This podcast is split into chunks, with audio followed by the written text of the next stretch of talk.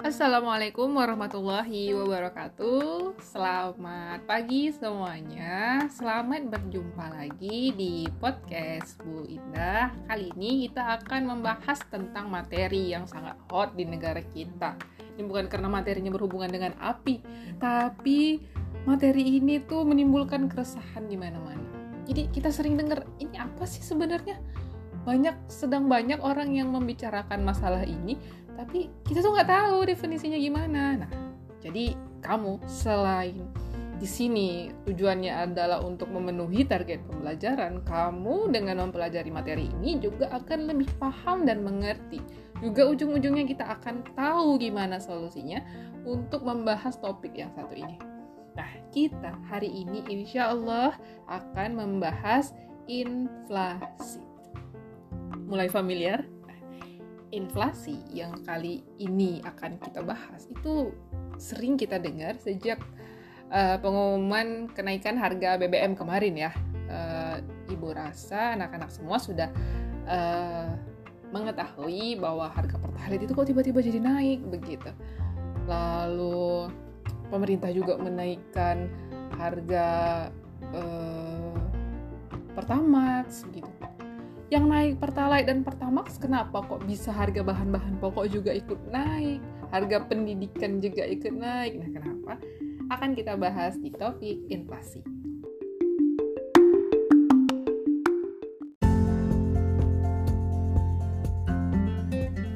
Oke, jadi inflasi itu masih sangat-sangat berhubungan dengan materi yang kalian pelajari kemarin uh, dua materi yang terakhir kali kalian pelajari yaitu indeks harga.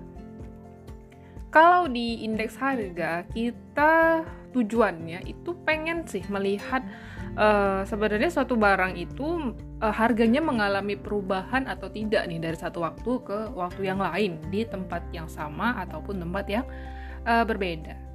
Nah, jadi uh, saat kita melihat indeks harga atau kita saat kita menghitung indeks harga kita nih akan ketahuan nih uh, satu barang satu jenis barang atau beberapa jenis barang itu mengalami perubahan atau tidak gitu jadi uh, di indeks harga itu seperti itu ya nah kalau di inflasi Inflasi itu definisinya adalah satu keadaan di mana tingkat harga secara umum atau price levelnya itu akan cenderung naik gitu.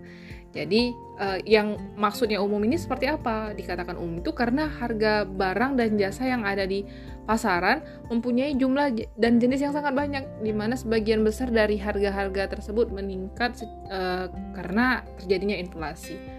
Jadi kalau kita membicarakan masalah inflasi, ini tuh uh, keadaan di mana harga barang ini naik secara umum, gitu ya.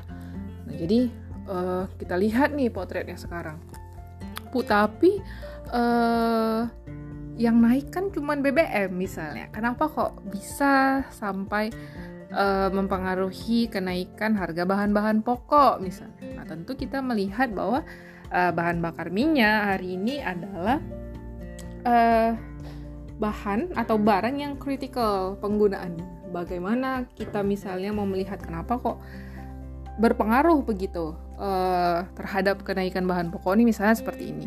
Uh, tentu tidak semua tempat dong di Indonesia ini mempunyai basis pertanian gitu. Kalau di Aceh sendiri daerah daerah-daerah yang mempunyai uh, supply begitu ya, supply sayur mayur, supply bahan pangan itu ada di beberapa daerah. Salah satunya ada di Aceh Tengah. Ya benar, ada di Takengon, Aceh Tengah. Nah, uh, bayangin misalnya nih kita ada di Banda Aceh sekarang. Jarak dari Banda Aceh ke Aceh Tengah itu sekitar 500 km uh, dan itu memerlukan waktu hampir 24 jam perjalanan darat. Dan tentu kita menggunakan transportasi dong ya kan? Nah jadi kalau misalnya kita bilang harga pupuknya nggak naik kenapa harga cabenya naik? Nah karena transportasinya harga harga bahan bakar untuk mengangkut barang-barang bahan-bahan pertanian tadi menuju daerah tempat dia dipasarkan itu juga mengalami kenaikan. Gitu ya kira-kira. Jadi sangat sangat berpengaruh ini kenaikan harga BBM terhadap uh, kenaikan harga bahan pokok lain gitu. Jadi kalau misalnya kita sudah ngomongin tentang harga BBM, pasti harga barang lain juga bakal ikutan naik juga gitu. Jadi sangat banyak, sangat vital sekali, kritikal sekali BBM ini. Nah, jadi anak-anak ibu semua bisa berfokus ke modul ya uh, untuk um, besok kita akan bahas materi ini dan uh, kita akan cari nih kasus yang terbaru nih apa. Nah, begitu jadi kalau kita membahasakan inflasi itu sebenarnya uh, dia hampir selalu terjadi gitu. Jadi ini adalah sesuatu yang tidak bisa dihindari gitu ya. Uh, ada satu kondisi di mana kalau inflasi tidak terjadi itu ya nggak boleh juga gitu. Nah tapi kalau inflasinya terlalu tinggi nanti juga akan menyebabkan keadaan yang uh, berbahaya bagi perekonomian. Makanya kita di sini juga harus kenal beberapa jenis-jenis inflasi begitu. Nah, yang pertama ada inflasi dilihat dari kecepatannya. Ini dibagi tiga. Ada inflasi lunak atau wild inflation. Nah, ini inflasi yang nilainya atau kecepatannya itu kurang dari 5% per tahun. Yang kedua, ada inflasi cepat atau galloping inflation Nah, kalau yang kedua ini, inflasi yang kecepatannya itu 5% atau lebih per tahun. Yang ketiga ada inflasi meroket atau skyrocketing inflation atau hyperinflasi ini ya. Nah, ini yang berbahaya.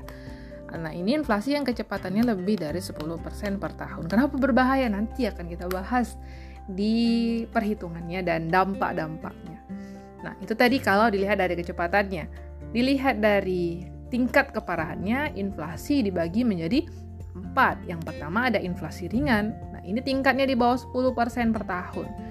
Yang dikatakan ini belum mengganggu kegiatan perekonomian satu negara. Gitu ya. Dan masih sangat dapat dikendalikan. Yang kedua ada inflasi sedang, yaitu inflasi antara 10 sampai 30% per tahun. Ini belum membahayakan tapi sudah menurunkan kesejahteraan masyarakat gitu. Karena ujung-ujungnya nanti kalau kita bahas inflasi, uh, inflasi itu juga akhirnya bisa menurunkan nilai mata uang satu negara. Kenapa? Sabar, kita akan bahas dulu jenis-jenisnya ya. Yang keempat, ada inflasi yang sangat berat atau hyperinflation. Ini inflasi yang nilainya itu di atas 100% per tahun. Nah, pasti kalau sudah segini besar dia akan mengacaukan kegiatan perekonomian satu negara dan sulit untuk dikendalikan. Jadi akan sangat kita nanti di kelas akan membahas beberapa negara yang sudah pernah mengalami uh, inflasi seperti ini ya dan ada beberapa yang sampai shutdown perekonomiannya. Nah, kalau yang terakhir tadi dua sebelumnya sudah dilihat dari kecepatannya dan dilihat dari tingkat keparahannya. Yang terakhir ini dilihat dari sumbernya ada inflasi yang berasal dari dalam negeri atau domestic inflation ini berasalnya uh, karena penciptaan uang baru gitu. Jadi ada ya yang pernah bilang begini bu gimana sih kalau misalnya kita itu mau menaikkan daya beli masyarakat? Kan harusnya pemerintah bisa uh, mencetak uang baru gitu ya. Ini Bank Indonesia ya maksudnya bisa mencetak uang baru begitu. Nah ini akan berbahaya juga. Karena apa? Karena nanti penciptaan uang baru itu ternyata bisa membuat uh, inflasi. Karena nanti uh, ada yang namanya kebijakan anggaran defisit yang kedua, ada inflasi dari luar negeri. Nah, ini uh, bahasa Inggrisnya itu adalah imported inflation. Artinya, inflasi yang terjadi karena suatu negara mengimpor barang atau jasa dari negara lain yang sedang mengalami inflasi. Nanti kita akan bahas kenapa ini bisa terjadi. Begitu ya. Nah, itu tadi sebab-sebab timbulnya inflasi. Tolong kalian uh, lihat modulnya sambil mendengarkan penjelasan ibu. Ibu akan bahas nih uh, satu persatu dan besok kita akan uh, tampung nih pertanyaan-pertanyaan dari kalian yang kalian itu sudah uh, dengarkan penjelasan ibu dari podcast hari ini. Oke. Okay? Nah, kalau yang ketiga ada sebab-sebab timbulnya inflasi. Ada beberapa ya. Yang pertama ada inflasi yang biasa disebut sebagai demand pull inflation atau inflasi yang terjadi karena kenaikan permintaan. Apa nih artinya? Karena inflasi ini terjadi disebabkan naiknya permintaan total terhadap barang dan jasa. Bahwa permintaan total itu mengalami kenaikan ini sehingga karena permintaan naik gitu ya kalau kita di berada di sisi produsen kalau misalnya permintaan terhadap satu barang yang kita jual itu misalnya naik kita berarti melihat bahwa oh ternyata pasar atau konsumen ini ternyata tertarik gitu dengan uh, barang saya gitu. Ini peluang gitu. Peluang untuk apa? Peluang untuk menaikkan harga gitu. Jadi kalau seperti itu biasanya produsen produsen kalau dari sisi produsen mereka juga akan menaikkan harga. Begitu ya. Yang kedua ada inflasi karena kenaikan biaya produksi. Nah, ini inflasi yang terjadi karena meningkatnya biaya produksi sehingga barang yang ditawarkan juga mengalami kenaikan gitu. Bayangin ya misalnya seperti yang terjadi nih misalnya harga uh, oh kita misalnya bahas nih masalah kenaikan BBM lagi nih lagi-lagi. Uh, ternyata kenaikan BBM itu berpengaruh loh. BBM itu sangat berpengaruh hampir di semua sektor. Kita angkat nih masalah yang sangat banyak di lingkungan kita ya um, di pupuk misalnya. Pupuk untuk petani-petani kelapa sawit. Untuk pembuatan pupuk itu perlu BBM loh di mana nanti kalian lihat nih video yang akan ibu cantumkan uh, di deskripsi. Nah uh, untuk membuat pupuk ternyata perlu BBM gitu.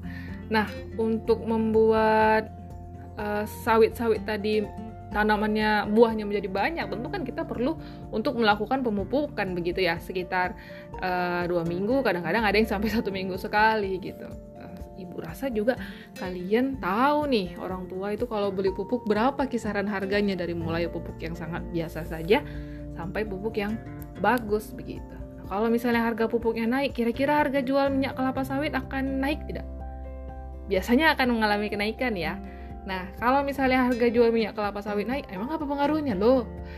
Minyak kelapa sawit itu, CPO atau crude palm oil, minyak mentahnya itu merupakan minyak pengolahan yang akan dilanjutkan menuju produk-produk yang lain. Misalnya apa? Misalnya mentega, minyak goreng pastinya ya. Dan produk-produk yang lain gitu. Untuk pembuatan uh, bahan baku yang biasanya ibu-ibu kita suka menggunakan itu. Gitu. Jadi gara-gara kenaikan pupuk sampai bisa gara-gara kenaikan BBM tadi ya. BBM naik pupuknya naik harga jual kelapa sawitnya naik CPO-nya naik sampai berpengaruh juga ke masyarakat. Begitu. Nanti kurvanya silakan lihat di modul. Yang ketiga ada sebab inflasi yang ketiga yaitu meningkatnya jumlah uang yang beredar di masyarakat. Karena uang beredarnya banyak maka produsen itu menaikkan harga barang. Yang keempat, berkurangnya jumlah barang di pasar. Artinya jumlah barang yang ada di pasar atau jumlah penawaran barang mengalami penurunan sehingga jumlahnya sedikit, sedang permintaannya banyak. Kayak gitu. Sehingga harga barangnya naik. Ini uh, relate ya dengan konsep kelangkaan. Biasanya kalau harga barang yang uh, barang yang mengalami kelangkaan atau sulit didapatkan itu harganya biasanya cenderung mahal. Kalau harganya mahal, berarti kan masyarakat itu akan mengeluarkan uang lebih banyak dan tentu uang yang beredar di masyarakat akhirnya banyak begitu. Nah ini jadi dia menyebabkan inflasi.